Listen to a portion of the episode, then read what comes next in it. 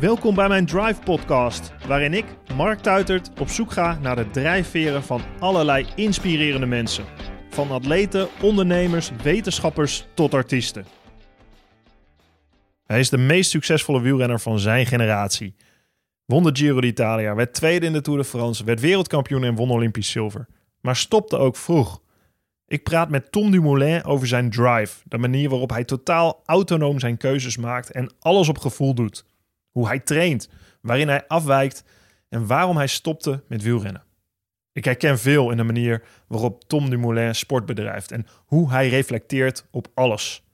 Het is de houding van een filosoof die toch uiteindelijk iedere keuze maakt op gevoel. Over wielrennen, topsportbedrijven, zijn opvoeding, zijn eigen gereide manier van trainen en over de bevrijding van stoppen.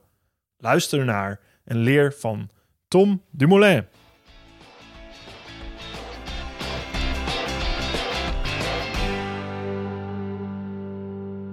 Beste luisteraars van mijn Drive podcast. Ik heb ook een boek dat heet Drive, train je stoïcijnse mindset.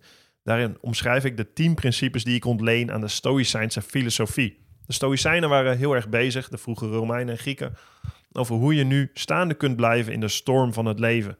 Ik denk dat dat heel relevant is, aangezien we in een chaotische wereld leven waar heel veel op ons afkomt. Hoe kun je er nou voor zorgen dat je relaxed blijft, het juiste blijft doen voor jezelf en voor anderen? En hoe kun je nou aan de andere kant gedreven zijn, je ambities willen halen, zonder dat het ten koste gaat van jezelf? Super mooie les. Ik heb daar heel veel aan gehad als atleet en nog steeds iedere dag in mijn huidige leven. En ik heb een leuk nieuwtje voor jou. Bestel nu mijn boek op www.marktuitert.nl en je krijgt een door mij gesigneerd exemplaar toegestuurd. Leuk voor jezelf, maar misschien ook heel erg leuk om cadeau te doen aan iemand die die lessen kan gebruiken. Er staan ook 10 trainingen in mijn boek die je kunt doen. En je kunt je ook aanmelden op de nieuwsbrief op mijn website. Dan krijg je iedere zondagochtend, gratis en voor niks, de laatste gedachten en trainingen opgestuurd uh, door mij persoonlijk. Dus vind je dat leuk? Ga naar marktuitert.nl, koop mijn boek, abonneer je op mijn nieuwsbrief. Of als je iets meer wilt weten eerst, uh, ga dan naar mijn Drive podcast 55, waarin ik die stoïcijnse mindset kort uitleg.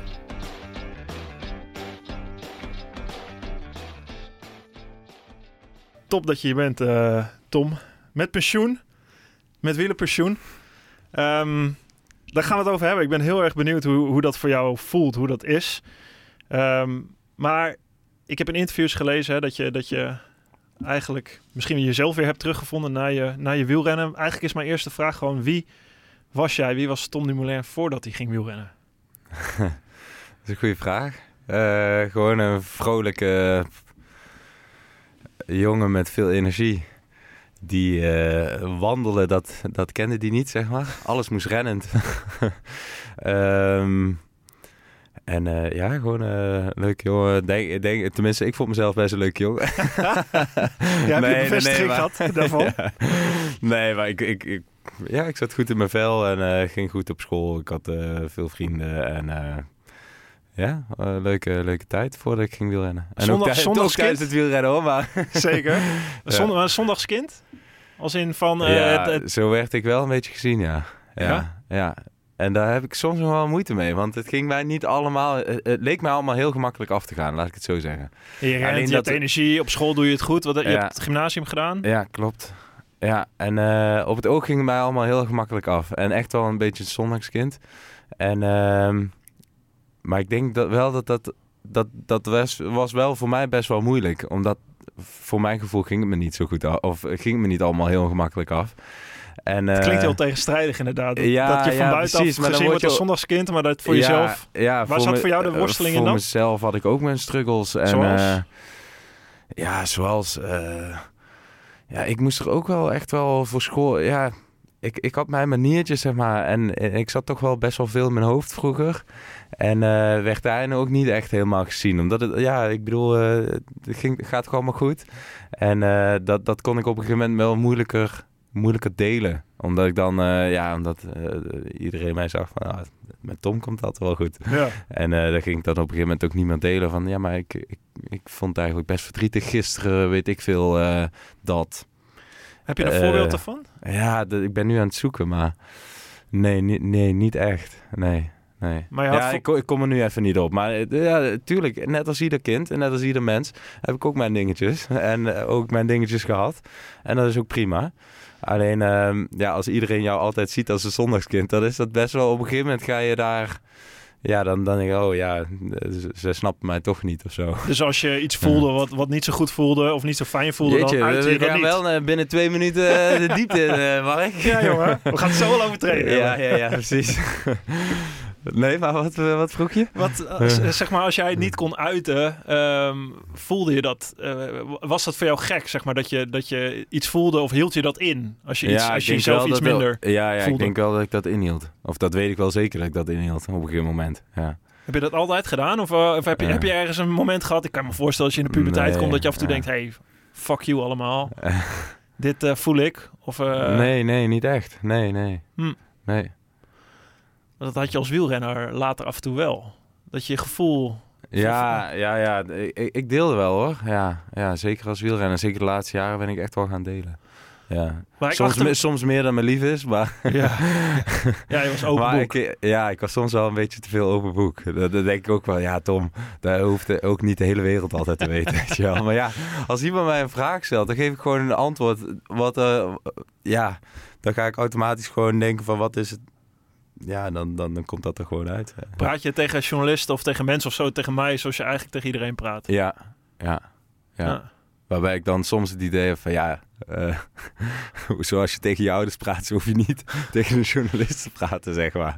Dat, Nee. dat weet ik dan ook wel, maar ja. Je kan niet eh, anders. ik kan niet anders, nee. nee. Ja, dat is toch een mooie eigenschap. Eh, ja, ja, weet je, het, het hoort bij mij en, en het is ook niet erg. Dus, eh. Hoe, eh, hoe ben je in contact gekomen met wielrennen? Waarom, waarom ben je gaan wielrennen? Ja, goede vraag. Ehm, ik heb eigenlijk eh, best wel lang voetbald, een jaar of acht of zo. Maar in mijn puberteit werd ik lang en slungelig. Ging dat niet meer zo goed. Vond ik het ook niet meer zo leuk. Ja, En eh, wat ik wel heel goed kon was eh, hardlopen. Gewoon, mijn, mijn conditie was gewoon heel goed. Ja. En, Genetische aanleg. Ja, genetische aanleg. Ik, ik deed niet heel veel meer trainen of zo of rennen dan andere eh, jongens op het voetbal, weet ik veel wat. Maar ik was wel degene die gewoon een duurvermogen had van, een- van een paard. En, eh, was je ook dus- fanatiek op het voetbalveld? Want ik heb ook op voetbal gezeten tot mijn Ja. veertiende. En ik kon niet zo goed voetballen verder. Maar ik werd altijd geroemd om hoe fanatiek ik was. Oh ja, nee, ja, in het begin wel, maar daarna, daarna eigenlijk nee, nee, ook niet per se heel fanatiek. Ik denk dat het gewoon niet echt mijn sport was. Ja. Ehm, ik vind het nog steeds wel leuk om af en toe een balletje te trappen hoor, maar nee, nee. Eh, Zit je op een voetbal? Zit je op voetbal? Nee, nee, nee, nee, Nee. nee. Dat is wel een tip voor mij als je met pensioen gaat trouwens. Eh, oh ja, ja, Ja, ik ik heb er wel over nagedacht hoor. Ja. Ja. Nou ja. Maar ehm, nee, toen eh, ben ik eigenlijk even gaan atletieken. Maar dan moest ik ook alle andere onderdelen doen. eh, verspringen en hoogspringen en uh, speerwerpen. Vond ik allemaal niks. Ehm, en ha alleen hardlopen was op die leeftijd niet mogelijk. En toen, ja, per toeval een keer van, nou, ga eens een keer wielrennen. Misschien vind ik dat wel leuk. En toen een leenfietsje gekregen van een plaatselijke wielerclub. Mhm. En van het een kwam het ander. En het Zuid-Limburg. In Zuid-Limburg. Ja, Heerlijk. wielrennen. Ja, ja, dan kun je schitterend wielrennen. En ik leerde mensen daar kennen. En ja, ik ging vaak samen trainen met vrienden. En van het een kwam het ander. En, en ook nog steeds eigenlijk niet tot mijn 18 of zo. Zeker niet met die bedoeling om daar mijn beroep van te maken of zo. Of om prof te worden of helemaal niet. Wat, want wat was je droom toen je 18 was? Wat was je levenspad? Uh, ik wilde geneeskunde gaan studeren en dan uh, arts worden. Dat was eigenlijk mijn, mijn bedoeling. Maar toen ben, ben ik uitgeloot. Ben ik gezondheidswetenschappen gaan doen. Als tweede keuze eigenlijk. Mm. Nooit leuk gevonden. Um, was ook niet meer te combineren met het fietsen dat toen steeds serieuzer werd. Um, ja, en toen uiteindelijk... Uh, Waarom wilde je arts worden? Ja, goede vraag. Uh, heeft me altijd aangetrokken. Als kind al, nu nog steeds. Ik heb er nu serieus over nagedacht om misschien alsnog geneeskunde te gaan Mhm. studeren. Maar ja, weet je, dan, dan, dan, ben ik daar ook 45, ben ik afgestudeerd. En dan, dan ga ik 60, 70 uur in de week werken als arts. En dan denk ik, ja, waarom eigenlijk? Uh, dus dat ga ik niet meer doen. Maar uh, ja, ik vind nog altijd, uh, als, ik, als ik een been breek, dan uh, vind ik dat heel vervelend. Maar dan vind ik het wel weer leuk dat ik zeg maar met de artsen mag kijken van wat is er allemaal aan de hand. En, wat dan? nee, wat, wat, de medische je? interesse, ik weet het niet. Dat heeft me altijd aangetrokken. En, uh, de biologie? Of de... Ja, anatomie, maar ook het, het puzzelen of zo. Um, weten wat er in een lichaam eh, gebeurt en wat er speelt en wat er, wat... Ja, ik weet het niet. Had je dat als eh, wielrenner ook altijd? Dat je wilde weten waarom je dingen deed? Trainingsschema's, Ja, absoluut. biologisch, fysiologisch. Ja, absoluut. Ja. ja, ik vond dat wel moeilijk als ik een trainingsschema kreeg en eh, zonder uitleg. En eh, Belde je dan op? ja, dan, dan eh, maar ja, trainers kenden mij natuurlijk wel, dus die, die gaven het al niet meer zonder uitleg. en, en niet zonder overleg. Dus ja, weet je, dus zo is iedereen anders.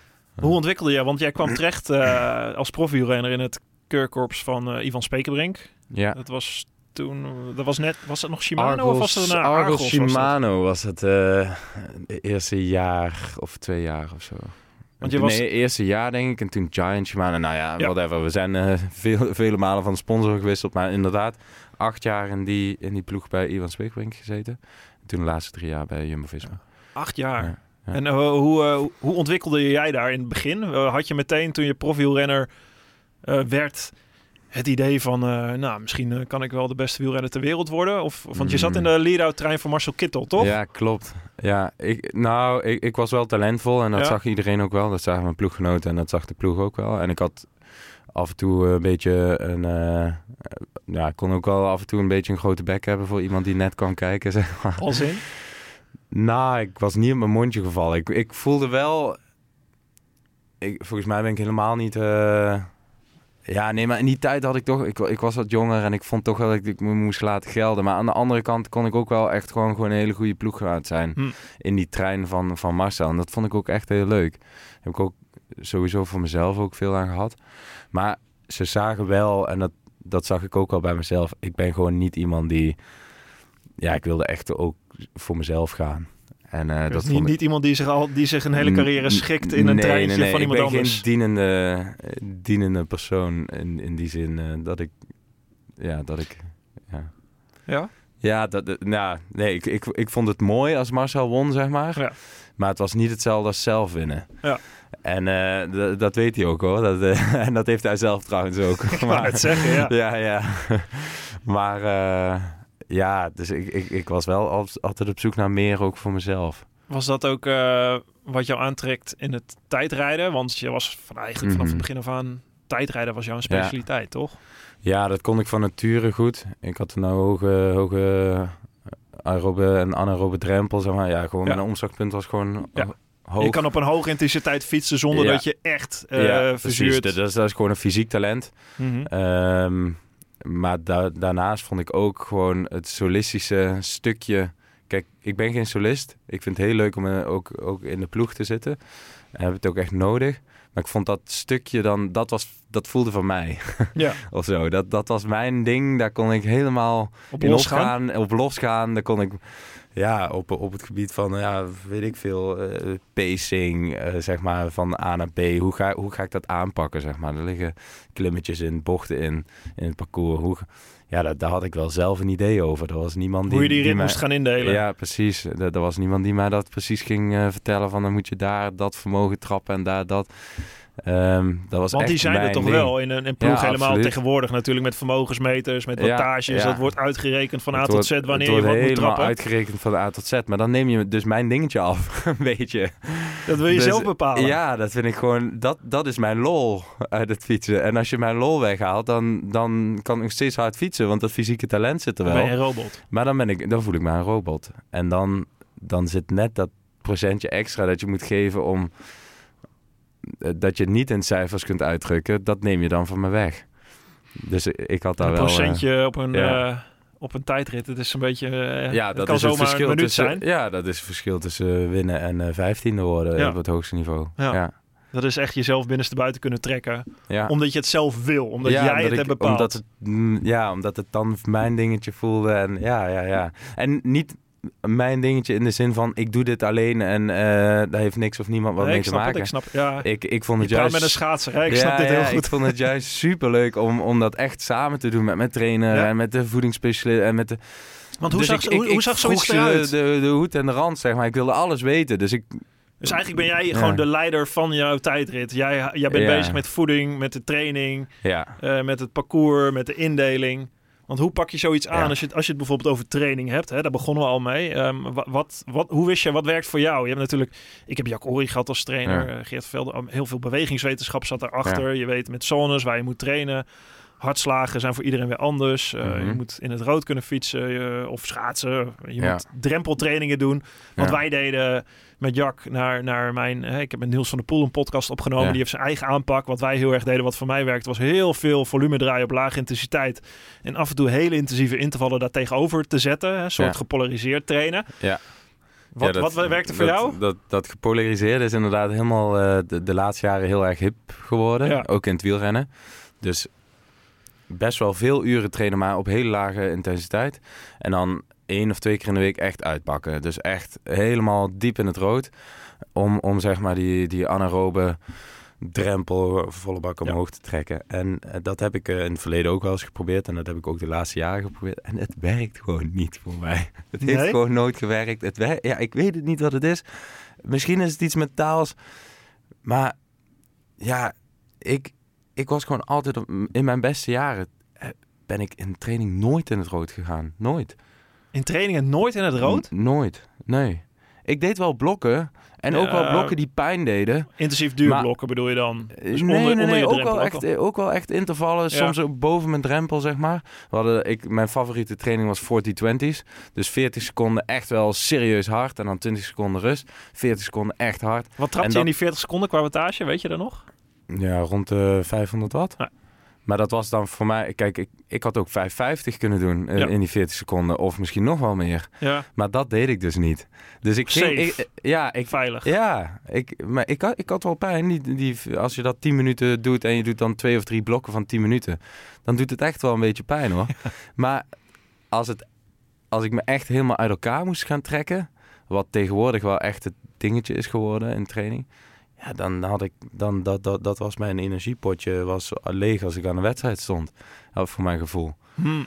Terwijl, terwijl de, eh, de, de trainingsprikkel voor mijn gevoel misschien beter of zelfs... Ja, als ik hem op 500 watt deed, was hij misschien nog wel beter dan dat ik hem op 550 deed. Zeker. Ehm, Ja, maar deed je daarnaast aan de andere kant ook heel veel langzamere training? Of deed je eigenlijk iedere dag wel dit werk? Hoe, zo, hoe zat nee, ik, ik was niet zo'n fan van zes uur heel langzaam trainen bijvoorbeeld. Ja. Dan Nee, ging ik- liever ik gewoon... niet. eh, nee, ik ja. moest het af en toe, maar ik Ja, vond het dodelijk nee, dan- saai. Ja, dodelijk saai. En dan... dan nee, dat, dat, nee, daar kreeg ik echt heel, heel, heel veel slechte zin van. Dus dan ging ik liever gewoon een beetje doorfietsen. En het is niet dat ik dat me dan echt... Dat is grappig. Jij laat je dus in trainingen heel erg ook leiden door je eigen motivatie. Niet per Ja. se door het schema of door de cijfers. Nee, echt nee, heel nee. erg door je eigen motivatie. Ja, absoluut. Ja, en dat, Dat is bijzonder. is dat zo? Ja. Ja, ik ken heel Ja. veel atleten die een trainingsschema voor de lief aannemen of voor waar aannemen. En dan doe je Ja. een fietstest of Ja, inspanningstest. nee, en dan krijg je cijfers uit. En denk je, oké, als ik op deze cijfers dit en dit en dit doe, dan kom ik daar en daar uit. elke dag was op gevoel bij mij. Ja. Maar er zat wel een... een eh, er zit wel een brein achter, zeg maar. Ja, En, je eh, samen, samen, met, samen met trainers en bewegingswetenschappers en zo is er echt wel over nagedacht. Maar uiteindelijk... Je moet vinden wat voor jou werkt. Ja, uiteindelijk is het gevoel was voor mij altijd bepalend. En, en misschien deed ik dat wel te veel hoor. Maar in, in de jaren dat ik echt heel erg naar mijn gevoel luisterde, dat zijn wel mijn beste jaren geweest. Want ja, lijkt me, dat vind ik een beetje een fascinerende. Ja, ik weet niet of het een tegenstelling is. Ik denk het eigenlijk niet. Maar aan de ene kant reflecteer je veel. Je denkt na over dingen. Spreekt me heel erg aan. Eh, Een soort filosofische houding heb je. Maar je doet ook heel veel op gevoel. Je doet beide dingen. Ja. Ik vraag me dan af, als jij... Ja, dat was ook wel heel moeilijk samenwerken met mij hoor. Dat weet ik ook van mezelf. Dus ik kon dus wel. Stel, ik had eh, volgende week een tijdrit. Dan ging ik dus overleggen met iedereen die daar iets over kan zeggen. Van ja, wat, wat denk je van pacing en wat denk je van dit? En welk vermogen zou ik dan ongeveer op dat klimmetje moeten rijden? En dan zochten ze dat helemaal voor mij uit. En op de dag zelf kon ik wel gewoon dan zeggen van... ja, maar mijn gevoel zegt toch... en dan, dan denken die mensen ook... eh, Dat dacht mijn trainer ook van... ja, maar waar ben ik dan de hele week mee bezig geweest? Als jij zegt op de dag, op het moment suprem... van eh, ja, nee, ik voel toch anders. Ik ga het toch anders doen. Ja, maar dat is toch super dat- slim eigenlijk. Want je, hebt, je, je bouwt Ja. heel veel data op. Je, dus je staaft Ik- alles met je ratio, precies, met Dus- cijfers. En uiteindelijk breng je dat samen. Precies. Leg je het aan de kant. Ja, en alleen soms was mijn communicatie daarin niet zo goed. Dus, Mm. dus ehm, ik kan me wel voorstellen dat het op die manier best wel moeilijk met mij samenwerkt. Kijk, nu kan ik het goed uitleggen. Ja. ik, ik had het ook echt nodig. Zeg maar. Ik had al die informatie in mijn hoofd nodig. Ja. Ehm, om vervolgens zeg maar, voor mij een goede afweging te kunnen maken op Ja. het moment zelf van welke, wat, wat moet ik hiermee doen. Ja, je hebt gewoon een computer, Tom Dumoulin hier. Ja. En eh, daar, daar vo- die voed je een hele week. Ja, maar die- uiteindelijk draait er iets uit wat, Ja, wat, wat, wat jij wil. op, ja, wat op gevoel het beste voelt voor die dag. Ja. En, en dat heeft jarenlang echt supergoed gewerkt. Maar ik kan me wel voorstellen... Kijk, Is het- op, een is- gegeven moment, is- op een gegeven moment werd het heel gestructureerd. Dus de ploegen Mhm. waarin ik reed... werden gewoon, eh, zeker eh, Sunweb ook de laatste jaren... er werd steeds meer... De belangen werden zo groot. eh, er ging zoveel geld in om. Er, moest structuur meer structuur ingericht worden dan bijvoorbeeld in de eerste twee jaar dat ik daar reed. Ja. En bij Jumbo-Visma was dat precies hetzelfde. Ja. Het was gewoon best wel gestructureerd. En als jij, als jij met 30 renners samenwerkt, die allemaal uiteindelijk maar hun eigen dingetje gaan doen, Ja. dat gaat niet. Dus ehm, ja, dat, dat, dat, veroorzaakte soms wel een beetje, eh, een beetje discussie van ja, Tom. Maar ja, aan de andere kant dacht ik ook van ja, maar jullie vragen aan mij om alles uit mezelf te halen. Als dit voor mij werkt en het andere niet en die, die extreme structuur niet, ja, dan zullen we daar toch over moeten praten. En, dat is ook wel gebeurd hoor. Hmm. Dat, daar hebben we ook wel echt goede gesprekken wat, over wat, gehad. zei de, wat zei Yvonne Spekerbrink tegen jou daarover, bijvoorbeeld? Nou, I- bij Iwan was het wel... eh, ja, uiteindelijk ben ik niet voor niks daar ook weggegaan. Bij Iwan vond ik dat gesprek wel moeilijk. Hm. Daar was wel een gesprek mogelijk, maar uiteindelijk als het puntje bij paaltje kwam... dan moest ik toch gewoon doen wat, eh, wat, wat de ploeg eh, wilde dat ik deed. Maar bij Jumbo-Visma was daar echt wel over te praten. Hm. Dus dat was echt wel gewoon... een- alleen toen, toen zat ik ook gewoon al in, een andere fase. Dus dat... Ja, we gaan even Ja, eerst naar de fase ja, waarop, ja. Het, waarop jij eigenlijk doorbreekt. Ja, het jaar. Nou ja, in 2015 al eh, bijna. Hè? Eh, maar het jaar is natuurlijk eh, het jaar waarin je de Giro wint. Wereldkampioen tijdrijder wordt. Ja, het leven lag je toe. Ehm, wist je voor, hè, toen je naar zo'n Giro toe werkte, je, je wordt... Op een gegeven moment heb je ergens een soort transitie gemaakt, denk ik, dat je niet alleen tijdrijder bent en de beste tijdrijder ter wereld wil worden, waar je al behoorde, maar dat je ook denkt, hé, hey, ik, ik kan ronde rennen worden. Wa- Hmm. Waar was dat moment dat je dacht, ik kan een grote ronde winnen? Of ik ga daarvoor? Mm, winnen heb ik eh, tot en met 2017 dat ik de Giro won nooit gedacht. Niet? Nee, maar ik dacht wel, ik kan meer dan ik tot nu toe heb laten zien in, in grote rondes. Ik, ik reed al, in- volgens mij in 2014 of zo, werd ik al als derde in de ronde van Zwitserland. Ja. Wat negen dagen of acht dagen is. Ook al een serieuze ronde met een goed start, deelnemersveld, zeg maar. Ehm, en toen werd ik eigenlijk by surprise, won ik bijna de Vuelta in Ja. 2015. Dus toen, ja, toen heb ik eigenlijk, toen was ik gevallen in de Tour de France die zomer. Al na, in de derde rit, ik brak mijn schouder. En toen had ik eigenlijk een periode van zeven of acht weken of zo. Om, ja, in de zomer, ik, ik kon met die gebroken schouder geen wedstrijden rijden. Dus ik moest gewoon, ik zou naar de Vuelta gaan. Dat was dan plan B. Ehm, ik ging op hoogtestage voor de tweede keer dat jaar. En ik heb toen een beetje op mijn gewicht eh, gelet. En niet direct met de intentie van, goh, nou ga ik daar klassement... Of niet direct, helemaal niet met de Nee. intentie om, om klassement te doen in de, in de Vuelta. Maar ja, gewoon... Ik, ik was gewoon echt op mijn manier dan gestructureerd aan het werken naar die Vuelta toe. Zonder ruis, zonder dat iemand mij lastig viel. Zonder, zonder dat er allemaal minder belangrijke wedstrijden tussendoor kwamen... waar ik dan weer mijn focus... Jij kon echt je eigen pad varen. Ik kon echt wel gewoon zeven weken lang een beetje mijn eigen pad varen. Was dat ook jouw keuze om dat zo te doen? Dat kwam gewoon zo omdat ik geblesseerd was. Dus eh, ja, het, het was echt... Een omdat noodzaak geboren Uit eigenlijk. noodzaak geboren, omdat ik geblesseerd was, moest ik ook heel erg naar mijn lichaam luisteren. Wat ik wel en niet aankon. Dus ja, daar, daar ga je weer. Dat pakte heel goed uit. Dat pakte heel goed uit. Ik weet nog, voor die Vuelta heb ik gewoon in twee maanden tijd heb ik misschien één intervaltraining gedaan. Wat? Eentje. Omdat, eh, omdat, omdat ik kon niet aan het stuur trekken en zo. Dus ik Maar ben je- toen, ik ben toen heel veel, ja, gewoon veel uren gaan maken en gewoon lekker gaan fietsen en best wel stevig doorrijden op klimmetjes. Maar Zonder echt, Echt, een plan. Gewoon, eh, gewoon lekker eh, fietsen zoals ik nu Eh, de nou fiets zou pakken ja, en de, de- over nee, nee, gaan. nee, nee, nee, maar dat klinkt weer heel planloos. Maar dat was het dan ook wel weer niet. Hmm. Dus er zat wel een idee achter. Maar ik leerde toen in die periode heel erg goed luisteren naar mijn gevoel. En vooral met die schouder dus. En ik deed één intervaltraining. Ik ging naar de veld en ik werd meteen in de eerste, eerste rit, was aankomst bergop, werd ik meteen tweede. En versloeg ik heel veel hele grote namen. En Wist je, maar dat zie je toch aankomen in een fietstest of ergens? Je ziet Nee, dat nee, je nee, ik heb niet getest. Nee, nee, nee. Nee, nee, nee. Dat vind nee. ik echt bijzonder. Ja, nee, dat was In een echt... wielerwereld waar dit zo... Dat Ja, maar dat ging ook niet. Ja, dat ging ook niet. Je kon gewoon een drempeltest doen met, met lactaatmetingen. Of dat ja, je, dat dat, je deed ik niet. Daar had ik echt een hekel aan. nee, dat, dat wilde ik allemaal niet weten. Ik ging er gewoon bleu in, eigenlijk.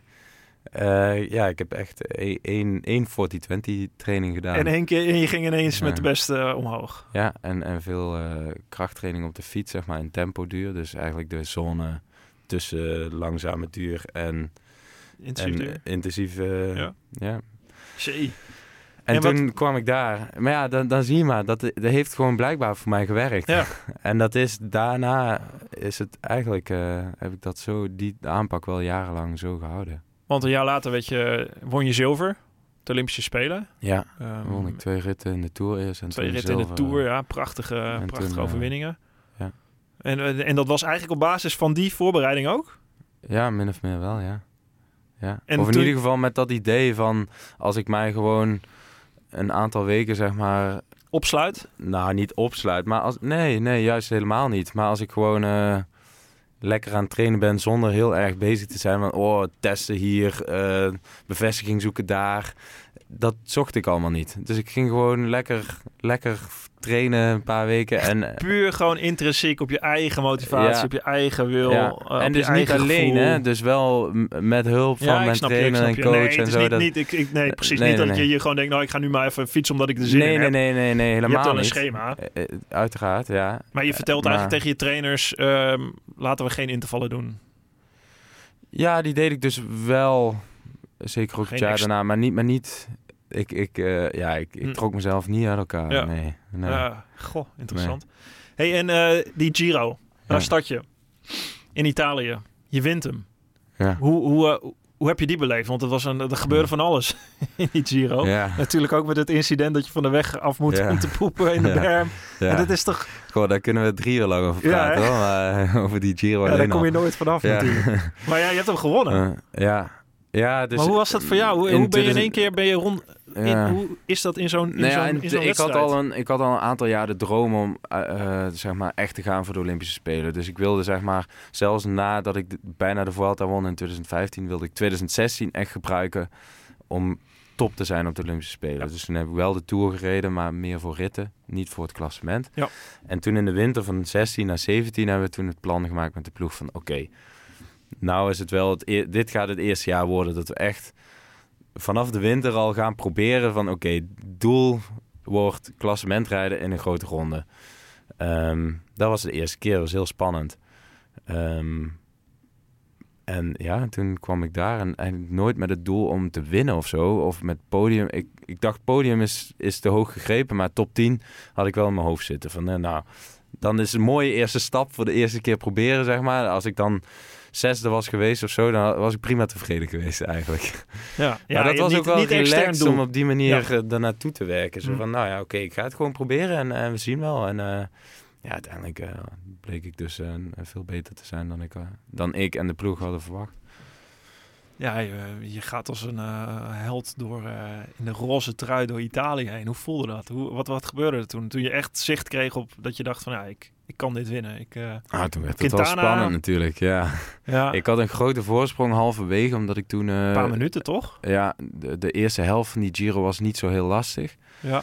Ehm, en toen hadden we twee aankomsten bergop waar ik het goed deed. Maar die waren, dat waren geen hele lastige ritten. Dus dat was makkelijk. En dan één keer knallen. Nou, dat kon ik supergoed als tijdrijder. ja. En er waren twee tijdritten waar ik tijd pakte. Nee, één, één lange tijdrit waar ik tijd Ja. pakte. Ja, en dus toen stond ik ineens eh 2,5 minuut voor of zo op de nummer 2. Zoiets was het. Ja. Maar ja, toen kwamen we de laatste week met alle bergritten eraan. Nou, dat was wel echt... eh, Toen heb ik me wel elke dag uit elkaar moeten trekken. Ja, hè? Ja, maar dat, was- ja, dat was heel spannend natuurlijk. En uiteindelijk verloor ik dus eh, een paar dagen voor Milaan verloor ik de roze trui. In de berm. De nee, toen, toen had ik hem nog aan die einde van die Oh, dag. ja? Ja. En Want wat was volgens dat? mij Had twee je dagen last van je maag of zo? Want dat heb je later toch ook nog een paar keer gehad. Weet je Ja, waardoor dat absoluut. kwam toen? Ja, dat is altijd een beetje een dingetje bij mij geweest. Eh, ja, gewoon... eh, geen idee. Te, ik heb het nooit geweten. Hm. Maar eh, te veel eten. Ja. te- proberen die hongerklop te vermijden. En dan toch even te veel eten. Wat, wat dan op... Ja, in die inspanning gewoon... eh, ja, dan is je lichaam niet met eh lichaam voeding van, verteren eh, nee, nee, dit is gewoon te veel.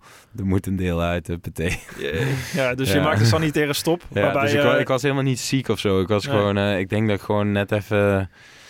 Het was en op hoogte toen die dag. Ja. Dus dan gaat er al heel weinig bloed natuurlijk naar, de, naar je andere delen dan je spieren.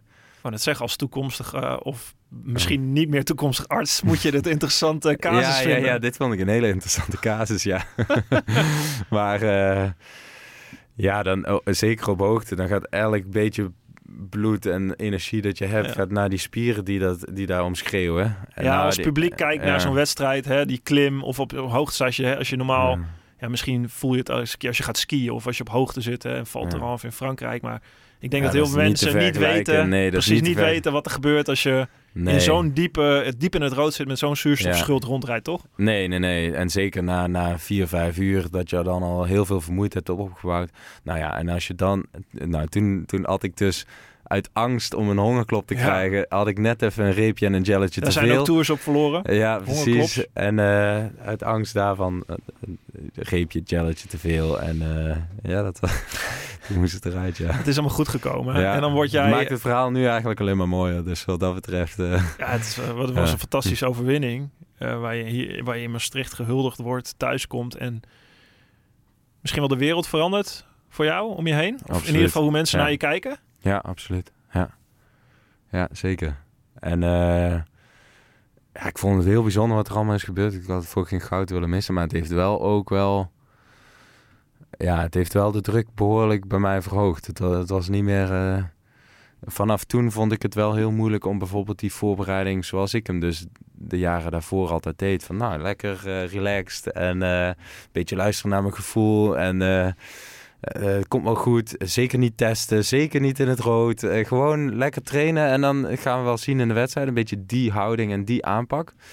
Die werd in mijn hoofd wel heel moeilijk. Ja, en ook trouwens... Kijk, nou leg ik weer heel veel schuld bij mezelf. Maar dat vind ik trouwens ook niet Ja, helemaal je zegt eerlijk. in jouw hoofd. want, ja. want de ploeg ging daar ook in mee, hè. Hm. Dat moet je ook niet vergeten. Ineens was ik niet alleen... Die, die druk werd niet alleen bij mij hoog, maar ook bij de ploeg. En eh, ik ging goed geld verdienen. eh, sponsoren betaalden mij eh, eh, veel geld. Ja, Tekende je meteen een nieuw contract naar die Giro? nee, nee, nee, nee. Nou, nee, dat seizoen. Nee, nee Hm. ook niet. Dat weet ik eigenlijk niet meer Hm. precies hoe dat is geweest. Maar, ehm, nee, maar dat, ja, dat, dat, dat verhoogde gewoon over... Alles om mij heen werd de druk best wel veel groter. Ja, ik weet nog En, dat eh, eh, heel Nederland, eh, iedereen wacht natuurlijk op een grote rondewinnaar. En als Ja. je de Giro wint, dat is geweldig, fantastisch. Maar dan is de volgende Tour. vraag natuurlijk, Ja, wanneer gaat Tom Dumoulin Ja. de Tour de France winnen? Ja, ja, precies. En dat was natuurlijk, dat, dat borrelt dan al bij mij in mijn hoofd. Daar had je vooraf nog nooit over nagedacht. nee, en nu is ja, precies. Dat, dat gaat dan bij mij in mijn hoofd zitten. Maar zeker ook bij de ploeg en, iedereen, en alle mensen om mij heen. En, en ja, dan wordt het best wel moeilijk om dan nog, om dan nog relaxed naar de Tour te gaan. Dat is best moeilijk. En dat is mij, ja, om heel eerlijk te zijn, is dat mij nooit meer echt gelukt. Om, om op die relaxe manier, hoe ik het in 15, 16, 17 zeg maar aanpakte, om die manier nog daarna te, terug te vinden eigenlijk. Of door te trekken. kon je, dat- kon je dat, ja. maar wat was het dan? Kon je dat niet van je afschudden? Want als je, Nee, vond ik heel moeilijk, ja. En nee, vond ik heel moeilijk. Als je er nu achteraf op terugkijkt, hoe had je, had je dat kunnen doen? Had je op een, had je zeg, was daar een soort middelvinger voor nodig naar mensen? Ja. Even hard Ja. gezegd van, hey, ja, ja, ja. bekijk het maar even allemaal, ik doe het op mijn manier. Ja, dat was daarvoor nodig. En die heb ik nooit ge- opgetrokken. Die heb ik nooit laten zien. Terwijl, En- je dat, en die- terwijl dat wel in je zit. Als ik je zo hoor, dat, je, dat, je, dat heb je al eerder gedaan. Alleen nu was de druk te groot Te om dat nog te kunnen doen. En, En, ja, ja, de verantwoordelijkheid misschien ook voor jou. Eigenlijk de eerstvolgende keer dat ik het weer deed. Van, was eigenlijk na... Ik ben in 2021, misschien komen we daar nog, eh, weet ik Ja, ja, Ik ga maar door, Ik ga nee, wel maakt niet weer, eh, stappen vooruit. Maar eh 2021, begin 2021 ben ik een tijdje... ja, ik, had, ik was gewoon overtraind geraakt. Je was geblesseerd aan je knie. Nee, Eh, daarna ging je naar Jumbo, ja, toch? klopt. Ja. Ja. Ja, om het verhaal even af te maken. Ja, ja, we gaan even daar naartoe heen, Ja, naartoe. inderdaad. Ik raakte geblesseerd in 2019 aan mijn knie. Lag Vierde rit van de Giro. Ja. Was het? Ja. Klopt. Daar viel ik op mijn knie. Ik moest geopereerd worden twee keer. En toen was eigenlijk vanaf de zomer was mijn seizoen klaar. Dus toen heb ik een half jaar eh, eruit gelegen.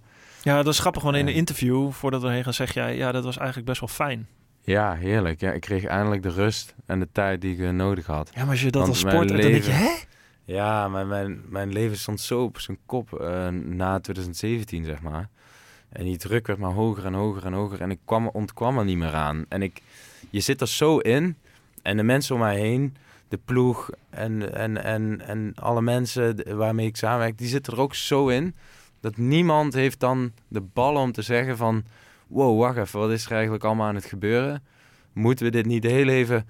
Oeh, even kalmeren en weer even terug naar de tekentafel en kijken van oké, hoe gaan we de komende jaren? Want Tom is eh 28, 29. Hij heeft nog vijf topjaren in zijn benen. Hoe gaan we dat eigenlijk aanpakken? En Het hobbelde maar door. En toen in 2019 met die knieblessure kreeg ik daar eindelijk kon ik daar even uitstappen.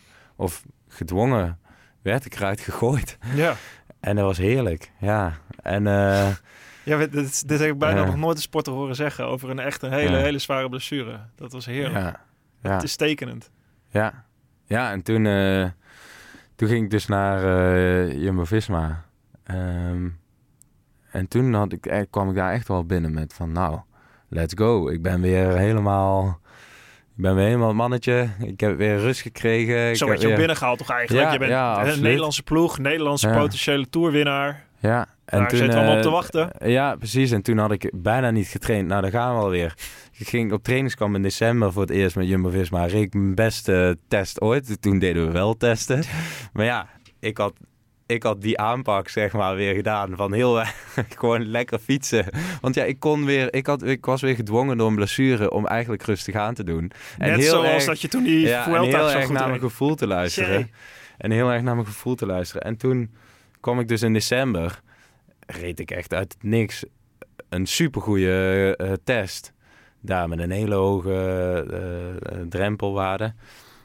En met weinig training. Dus nou, dat was Rosanna. Bij mij in mijn hoofd, maar ook bij, bij eh, Jumbo-Visma van nou, let's go. Jackpot. Als we hier even nog een beetje serieus eh, training ingooien, dan, ja, dan eh, gaan wij hier ja, de precies Tour, dit. gaan wij Als hier we, de Tour als, we, winnen. als we hier serieus mee gaan trainen, Ja. dan wordt het... Dan wordt het echt fantastisch. Dus nou ja, 2020 eh, Tour de France winnaar Tom Dumoulin. We zagen het allemaal voor ons. ja, dat liep dus even anders. En dan kwam corona eroverheen. Ik zat met mezelf. Ik legde mezelf weer heel veel druk op. Ploeg, dan? ging, Wat- ploeg ging daar lekker in mee. Eh, moet Wat ook was de druk eh, die je zelf oplegde? Ja, dan, eh, ik wilde gewoon heel graag. ik, Nederlandse ploeg. ja, iedereen wil dat ik de tour win. Ik wil het zelf het liefste. let's go. We hebben, we hebben de beste mensen hier. We hebben de beste trainers. We hebben de beste diëtisten. Dit kan niet beter. Het kan niet op. En zo zaten we er allemaal wel in hoor. Ja. De ploeg, maar ik ook. Maar nou, dit, dit gaat gewoon top worden. En, maar ja, de- uiteindelijk, het was van het, van het goede te veel. Maar hoe dan? Hoe, is dat, hoe ging dat vanaf september van die fantastische waardes naar eh, die tour? Is, wa- wat is daar... Ja, uiteindelijk kwam corona er dus overheen. Ja. Dat was echt eh, een, gewoon een klote periode. Eh, voor mij, maar voor, voor de hele wereld natuurlijk. Maar zeker ook voor mij. Ik- Waarom? Je zou kunnen het- zeggen, dit is een zegen, want eh, ik kan Nee, lekker want rustig ik- fietsen. ja, ik zat daarvoor al gewoon weer te veel mezelf te pushen. En dat trok ik eigenlijk door in corona. Wat deed je Dus dan dat- te veel pushen? Was dat te hard trainen? Ja, ver- verliet je dat programma van eh, Ja. ik zie wel en ja, dan ging ja, je... ik verliet dat helemaal. Dus ik, ik liet me gewoon... Ik zat in een nieuwe ploeg en ik wilde ook de trainingsschema's van Jumbo-Visma een kans geven. Wat best wel gepolariseerd trainen is. Of eigenlijk heel erg gepolariseerd. Waar we net En over dat- hadden. En waar- dat we ook voor 90% van de renners supergoed werkt. Hè? Dat moet ook gezegd worden. Moet je kijken hoe ze het nu doen. ja, Dat is fantastisch. echt fantastisch. Ja. daar is niks over te zeggen. En, Ja. en het is ook, het is gewoon de beste ploeg ter wereld. Alleen jij met bent... de beste trainers en met de beste coaches, Hmm. met de beste trainingsaanpak. Alleen, alleen- die 10% van die renners waarvoor het misschien niet werkte... en die alles op gevoel doen... en Ja. die misschien helemaal geen testen doen... waar jij er een van bent. Dat, dat was gewoon, ja, dat, dat matchte toen niet helemaal. En dat hadden we toen allebei nog niet door. Kijk, daar, daar had wel vanaf het begin, als ik dat vanaf het begin had gezegd van jongens, ehm, ik wil het eigenlijk toch graag op een andere manier doen, dan had het echt wel gekund hoor. Dat was, eh, dat, je- dat is, Vind je dat jammer als je dat zo zegt nu? Ja, ja dat, ik had wel eens willen zien hoe het anders was gelopen. Weet je, het loopt zoals het loopt. Hè? Ik, ben, ik ben dolblij dat ik hier nu zit als, als gestopte wielrenner. En ik heb echt nog geen moment spijt gehad. Ehm, maar het had denk ik wel ja, anders kunnen lopen. Maar ja, heeft niet iedereen... Kijk jij niet ook zo terug naar je carrière van... Oh, daar had het anders moeten lopen of kunnen lopen. Of daar... Zo heeft toch iedereen... Oh, Iedereen kijkt toch Ik zo heb, naar eh, zijn leven. Ja, absoluut. Eh. absoluut. Ik heb zo maar dat eh, betekent toch niet dat je er dan spijt van hebt? Nee, Ja, oh nee, ja. zeker niet. Zeker niet. Nee, nee ja, je kan ergens terugkijken natuurlijk. Hè, dat, en ik heb dat ook niet zo hoor, maar er zijn genoeg atleten die ik wel ken die terugkijken. denk je, oh, hè, dat je altijd met een soort gevoel van, oh, als ik dat had gedaan, dan had het Ja. misschien gelukt. Als ik dat had gedaan. En dat is natuurlijk maar net waar je naar je kijkt. Hè. Als je kijkt naar Ja. jouw Giro-overwinning, denk je, nou, wauw, ik heb dit meegemaakt. Wereldkampioen tijdrijden, wauw, ik heb dit meegemaakt. Als je er zo naar kan kijken, dat is, dat is tuurlijk. fantastisch. Ik, ik kijk daar dus helemaal niet op die manier naar. Van had het maar anders gelopen of eh, weet ik veel.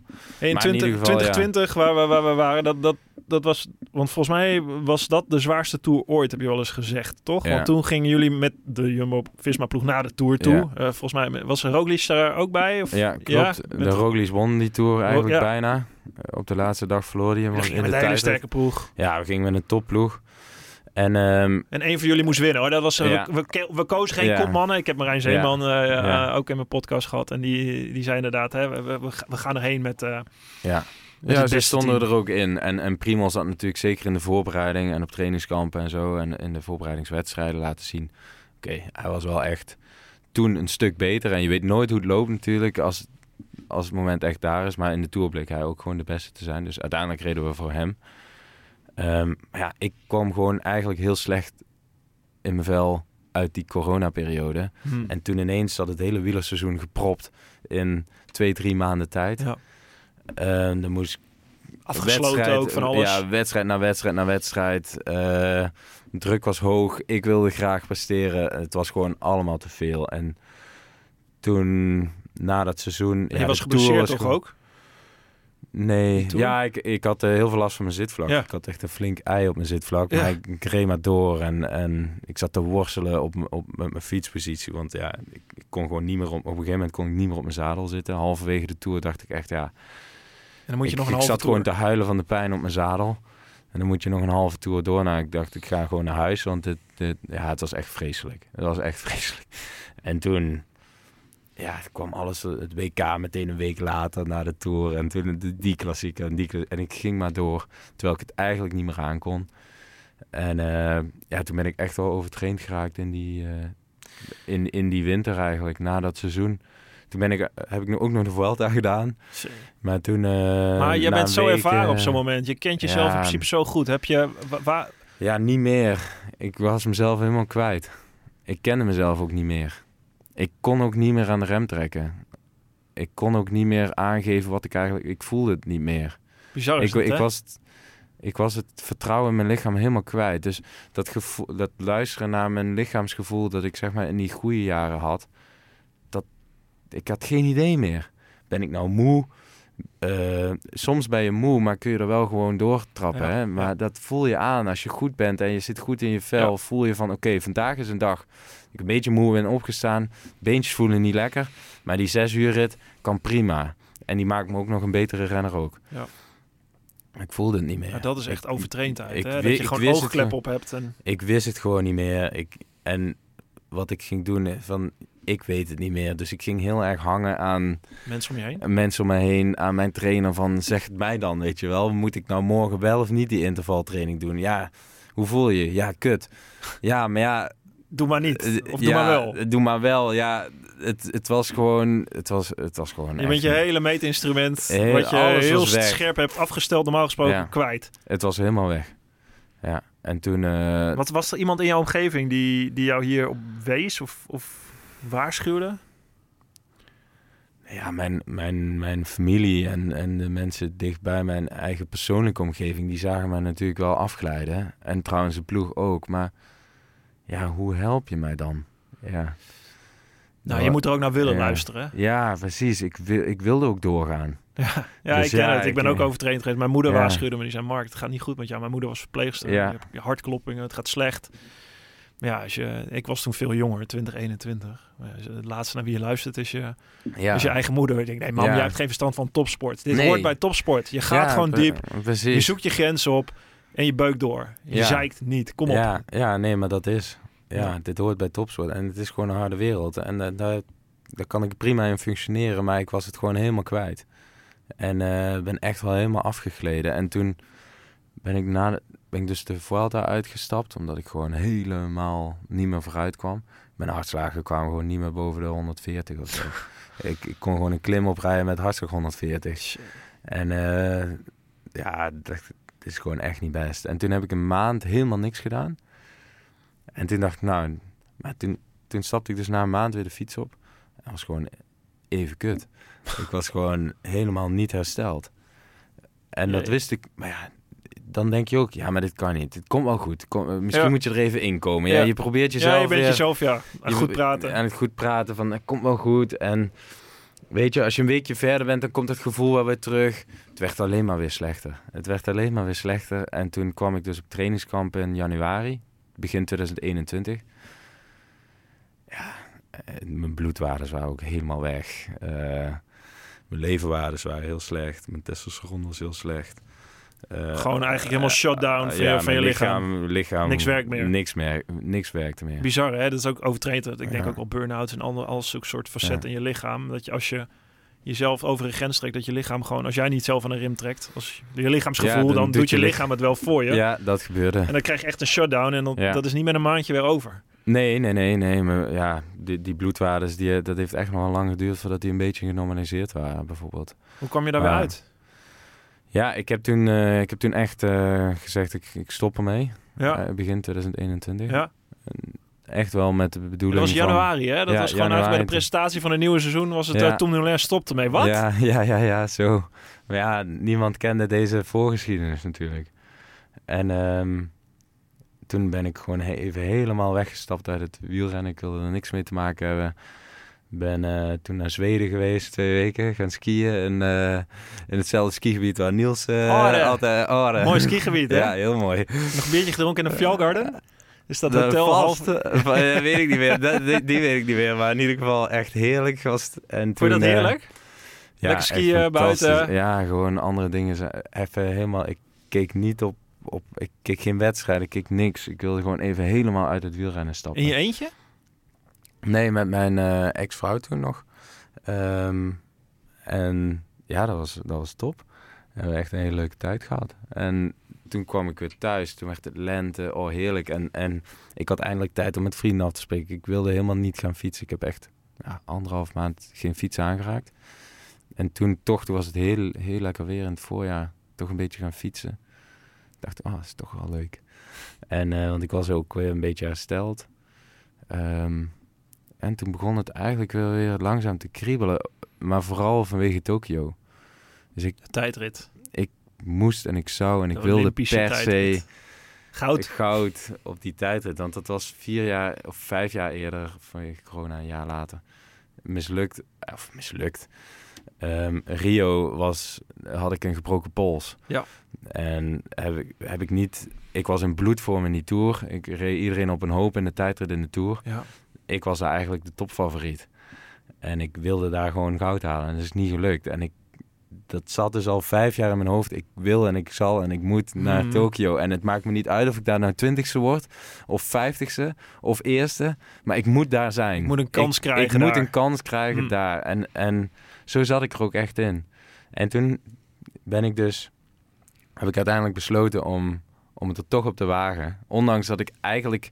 Ik zat nog een beetje in mijn overtraining. Ik was eigenlijk nog niet belastbaar. Nee. Ik kon nog niet veel aan. Ik kon geen trainingsweken van 20 uur aan. Eh, dat ging gewoon niet. 20 uur, ja. Ja, minder. Ja, Nee. ik begon echt met Maar het 10, is een 15 teken uur. als je weer zin krijgt ergens in. En als Ja. lente wordt, dan begin je. Dat is een teken van herstel. Dan heb je een herstelproces. Je hebt je ontspannen. Je hebt even Ja. afscheid genomen.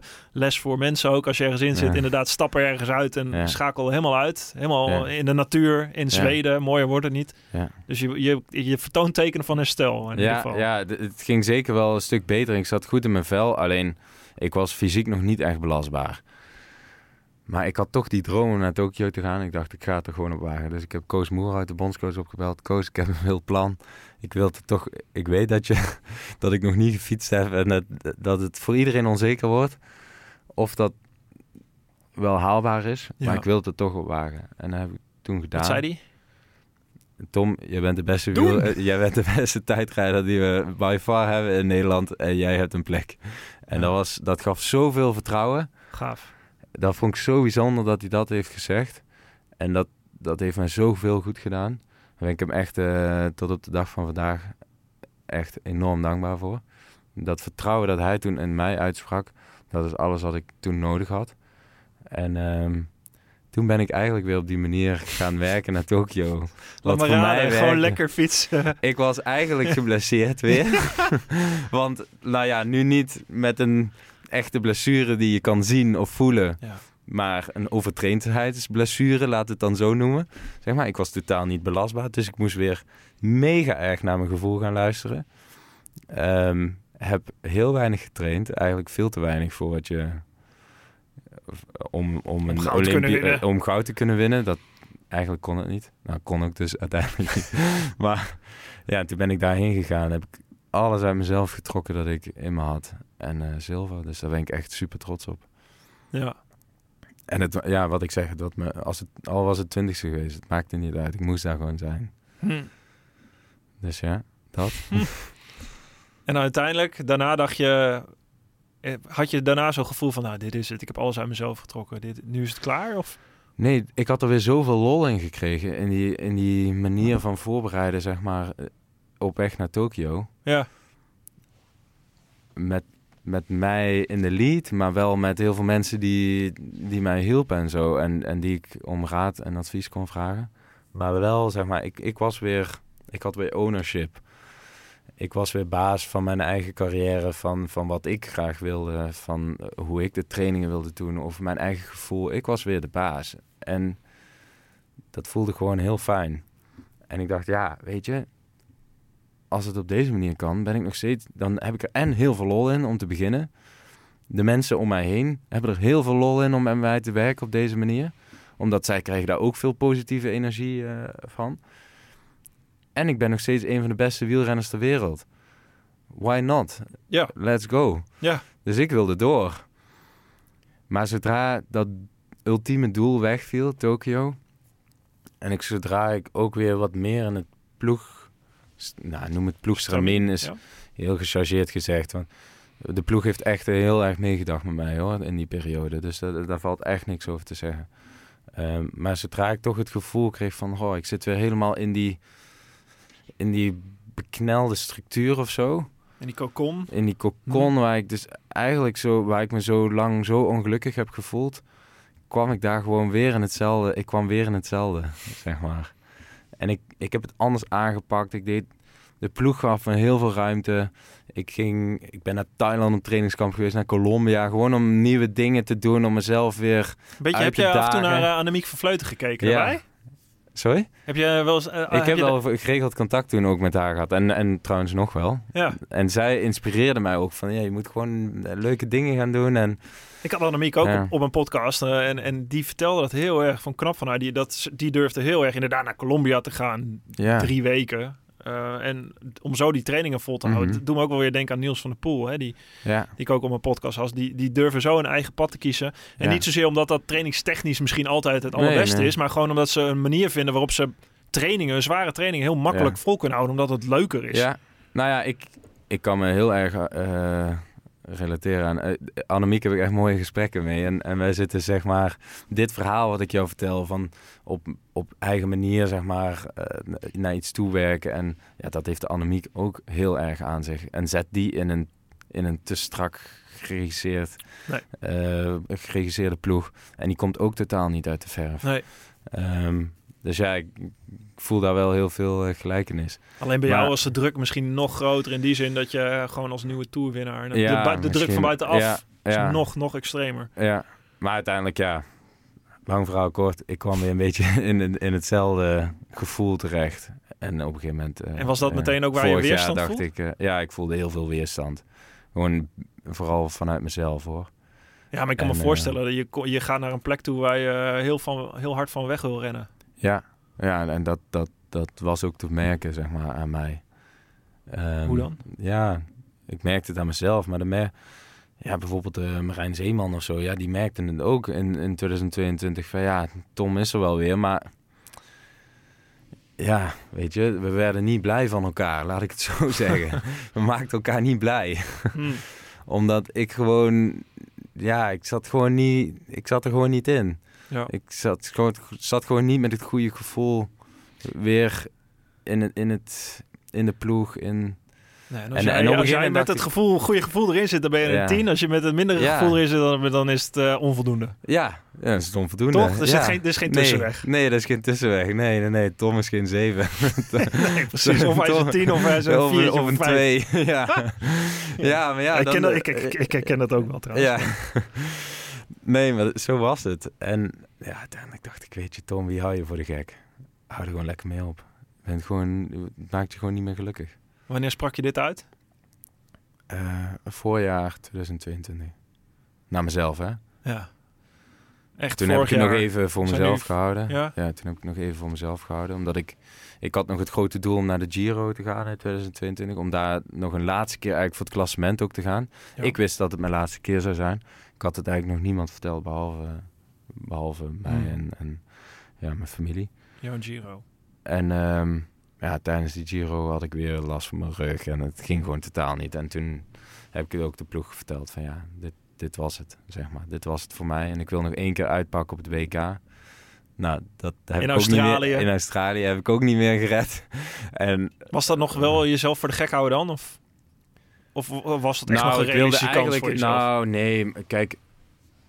Uiteindelijk, de manier hoe ik uit het wielrennen ben gegaan, is wel jammer. Dat, ik vind eigenlijk dat mijn carrière een mooier afscheid had verdiend dan het afscheid dat ik nu heb ge- dat ik mezelf nu heb gegeven.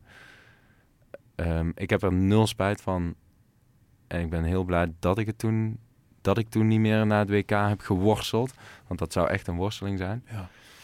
Ehm, maar het was wel... eh, ik had mezelf nog graag één mooi laatste keer een afscheid willen geven op het WK. Was Wat dat wat eigenlijk je in voor mei mij en juni dacht van ik ga nog één keer, want Ja, dan kan ik afscheid nemen. Precies, dus na die, na die Giro dat mislukte vorig jaar, dacht ik oké, in juni van oké, ik ga nog één keer op mijn manier, zeg maar, op een fijne manier naar het WK toe te werken en dan zwaai, toewerken en dan zwaai ik daar af.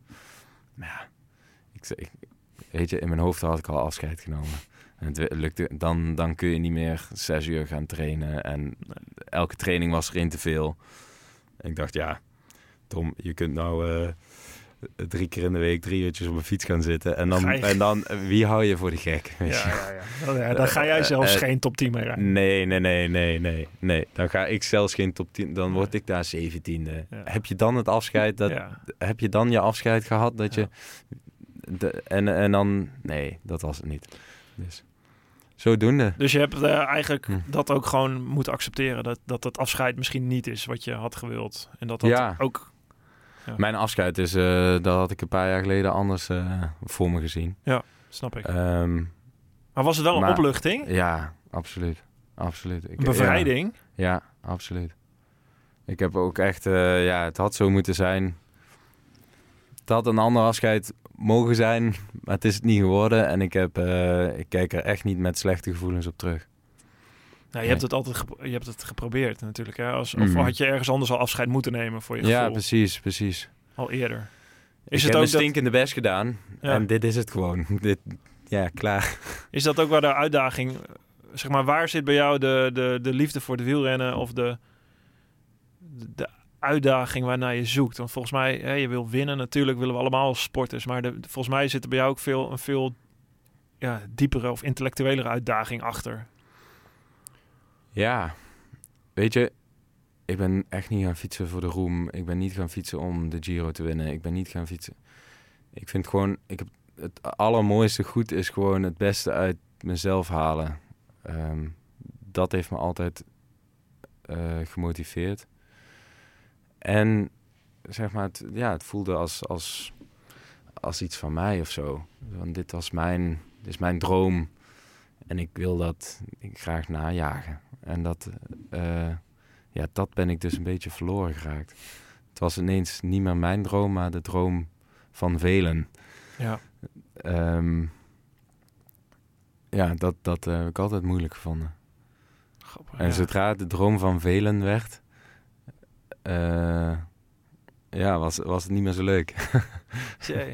Ja. Het moet echt jouw intrinsieke droom zijn, anders Ja. werkt het bij jou niet. Nee, nee, nee. Oh. Nou, een mooie, mooie les om eh, mee te nemen naar de rest van je leven. Ja, absoluut. Want hoe zit je hier, nu? Eh, het is 2023. Je hebt afscheid, we spraken elkaar op het sportgala. Mhm. En ja, jij komt over als, als best wel happy eigenlijk. Als best wel gelukkig. Ja, dank je. ja, ben ik ook. Ja. Ja. Er zijn genoeg eh, Hm. sporters die stoppen en ook op een misschien een iets minder leuke manier die, eh, ja, die in een zwart gat komen of die, die Nee. denken van ja, maar god, eh, nee, help. absoluut niet. Nee, absoluut niet. Fiets je nog wel eens? De laatste 2,5 maand heb ik niet meer gefietst. Nee, Geen het was, ook aan. slecht, het was ook slecht weer. Oh, je bent een mooi Ja, weerfietser ik ben geworden. inmiddels een heel mooi ik. weerfietser. Nou, ik kan er wel echt naar uitkijken als het dadelijk mooi lenteweer wordt. Hm. Zo door het Heuveland. Ik was laatst met de auto naar Epe, zeg maar, naar de Ja. Drielandenpunt Ja. gegaan en met de hond gaan wandelen. Toen reed ik zo, en het zonnetje scheen. En ik reed zo terug door het Heuveland met de auto. Toen dacht ik, oh, Vals echt- knal ik wel even omhoog. eh, ja, nee, maar echt weer zin om, om te fietsen. Dat was het eerste moment weer. Ja, het is ook prachtig. Maar ik, ik heb nog steeds heel veel liefde. Want ik merk hoe langer ik dus uit het wereldje ben geweest nu het afgelopen half jaar. Ja, Ik volg het weer en ik heb echt weer zin om naar... Ik ga eh, gewoon als gast naar de Ronde van Vlaanderen bijvoorbeeld. Gewoon omdat ik... Ja, niet, niet voor werk, niet voor dingen die ik... daar- gewoon omdat ik het echt gaaf vind om naar de Ronde van Vlaanderen te gaan. dus ik ga daar afsteken en biertjes drinken. En eh, ja, superleuk. Daar kijk ik nu al naar uit. oh ja. Cool. Ja, maar je dus, hebt ook best wel gave dingen. Je bent naar Costa Rica geweest, eh, Ja. eh, Fiji, eh, eilanden. Je bent naar. Australië geweest als toeschouwer bij de WK wielrennen. ja, dat vond ik ook super vet. Dus eh, Ja, maar ja, echt. Ja, ja, ja, het was even moeilijk de eerste keer dat ze voorbij kwamen. En ik stond langs de kant te kijken en ik dacht, ja, hier had ik eigenlijk bij moeten zijn. Maar daarna heb ik gewoon echt intens genoten van het sfeertje dat er hangt. En van de mensen die daar staan. En van het peloton, dat, de helikopters die boven hangen. Gewoon weer die kleine jongen die vroeger naar de Amsterdam Gold Race ging kijken. En al helemaal kriebels in zijn buik kreeg omdat hij de helikopters zag komen. En dan duurt het nog een paar minuten voordat de renners langs jagen. Ja, dat, dat gevoel, dat kreeg ik weer op het WK. En dat ga ik dadelijk ook in de Ronde van Vlaanderen hebben. En, en ja, ik ga dus ook analistenwerk doen voor, voor de NOS. Ja, heb ik Oh, je wordt mijn collega. Ja, ja, ja. Ik voor ja, schaatsen, de- voor de ja, wielrennen. Ja, Leuk. klopt. Ehm, ja, daar kijk ik echt naar uit. Gaaf. Ja, ja Mooi, daar kijk ik heel echt leuk. heel erg naar Ja, uit. dat, is ook, eh, dat is ook echt heel leuk. Ik heb, wij hebben net een WK afstand in Tialf gehad. Ja. Dus echt, dat, ik vind dat persoonlijk de- nog de allerleukste manier om sport te beleven. Ja, ja, ik kan me heel goed voorstellen. Ik heb het nog nooit gedaan natuurlijk. Maar eh, ja, ik, ga, ik, ik heb gewoon nog heel veel liefde voor het wielrennen en eh, voor het wereldje. En dus daar ben ik helemaal niet klaar voor om naar uit te stappen. Ehm, maar ik doe verder wel van alles. Ja, ik, ik hou me wel bezig. Ik heb nog geen dag verveeld. Ja. Heel mooi. Ja, eigenlijk, ik begon het eh, gesprek met ehm, wie Tom Dumoulin was voordat hij ging wielrennen. Is er een Tom Dumoulin voor het wielrennen, tijdens het wielrennen en nu misschien weer... Is de, de oude Tom Dumoulin voor het wielrennen nu weer terug? Of is, Nou, is dat wielrennen, bedoel ik daarmee te zeggen, is dat, is dat voor jou ook een, een, een ja, een- misschien een, of een opgave, of, of laat ik het zo zeggen, dat idee had ik soms wel eens, of het, en dat komt ook door interviews die ik met jou lees, waar je heel openhartig bent. Is het soms een soort, ook een toneelstukje geweest waarin je niet helemaal jezelf kan zijn en Hmm. dat dat nu is afgesloten? dat is het zeker wel af en toe geweest, ja. Maar ik ben ook heel veel mezelf wel geweest hoor, tijdens het wielrennen. En ik heb, het ook, ik heb er intens van genoten. Ehm, zeker eh, bepaalde periodes, maar ik ben, ja, wat ik, wat ik eh, net ook al zei, ik ben mezelf wel een beetje kwijtgeraakt. Of een beetje veel kwijtgeraakt. Dus in die zin voel ik mij nu weer veel, er, veel ik voel me echt weer mezelf de laatste maanden. Gewoon, dit is Tom. dit is wie ik wil zijn. Dit is waar ik tevreden mee ben. Eh, sommige mensen zullen mij nog steeds een lul vinden. Het zij zo. maar dit is wel waar ik tevreden mee ben. En ik was op een gegeven moment niet meer tevreden met de versie die ik zag van mezelf. Als ik bijvoorbeeld uh, een documentaire van de Tour van 2020 of zo, die akelige Tour voor mij terugkijk en ik zie mezelf daar, denk ik echt, ja, dat, dat, ik ken mij helemaal niet. Ik ken mijzelf niet. Ik ken mij ook niet, ja. En dat, dat is wel akelig om te zien hoor. Dus in die zin is die jongen van voor het fietsen echt wel weer terug, ja. ja. Dankjewel, Tony Moulin. Graag gedaan, jij bedankt.